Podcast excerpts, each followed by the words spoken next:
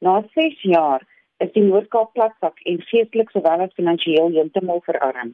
Ons verwag dat die droogtehulp vir die Noord-Kaap aan 'n eerbare instansie gegee sal word wat dit verantwoordelik sal bestuur sodat die geld asseblief nie weer verdwyn nie. Op 'n vorige geleentheid was daar 'n skenking van die staat beskikbaar gemaak vir droogtehulp vir die boere in die Noord-Kaap en die geld het nooit by die boere uitgekom nie. So ons wil asseblief hierdie keer vra dat hulle dit aan 'n instansie sal gee wat die boere se belange op die hart dra. Die droogte gaan na verwagting nog 2 jaar lank duur.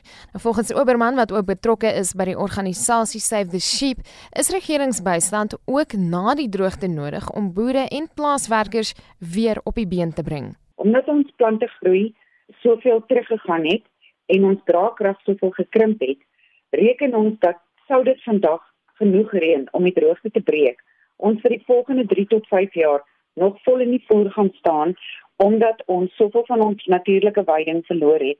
So ons wil vra en pleit vir volhoubare droogtehulp wat op die onderskeie dorpe beskikbaar gestel moet word vir die volgende 7 jaar. Die finansiële impak hiervan op boere is verrykend. Die wolpryse het byvoorbeeld met 30% gedaal. As jy die som gaan maak wat jou voerkoste, jou diesel, jou arbeid insluit, maak jy net R14 wins op 'n lam. Met ander woorde, bemark jy 1000 lammers, het jy R14000 wins vir die jaar. Dit is minder as wat jy nodig het om in 'n maand te oorleef. Ons koöperatierekeninge word gesluit. Ons oortrokke fasiliteite by die bank word teruggetrek. Ons kan nie ons skoolgeld bekostig nie.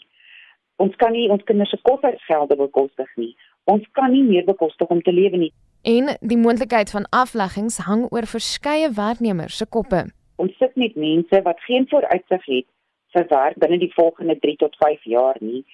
Jy kan dink die gepaardgaande probleme met armoede wat nou in ons dorp heers. So ons gemeenskap kry swaar die res van die Noord-Kaap lyk net so.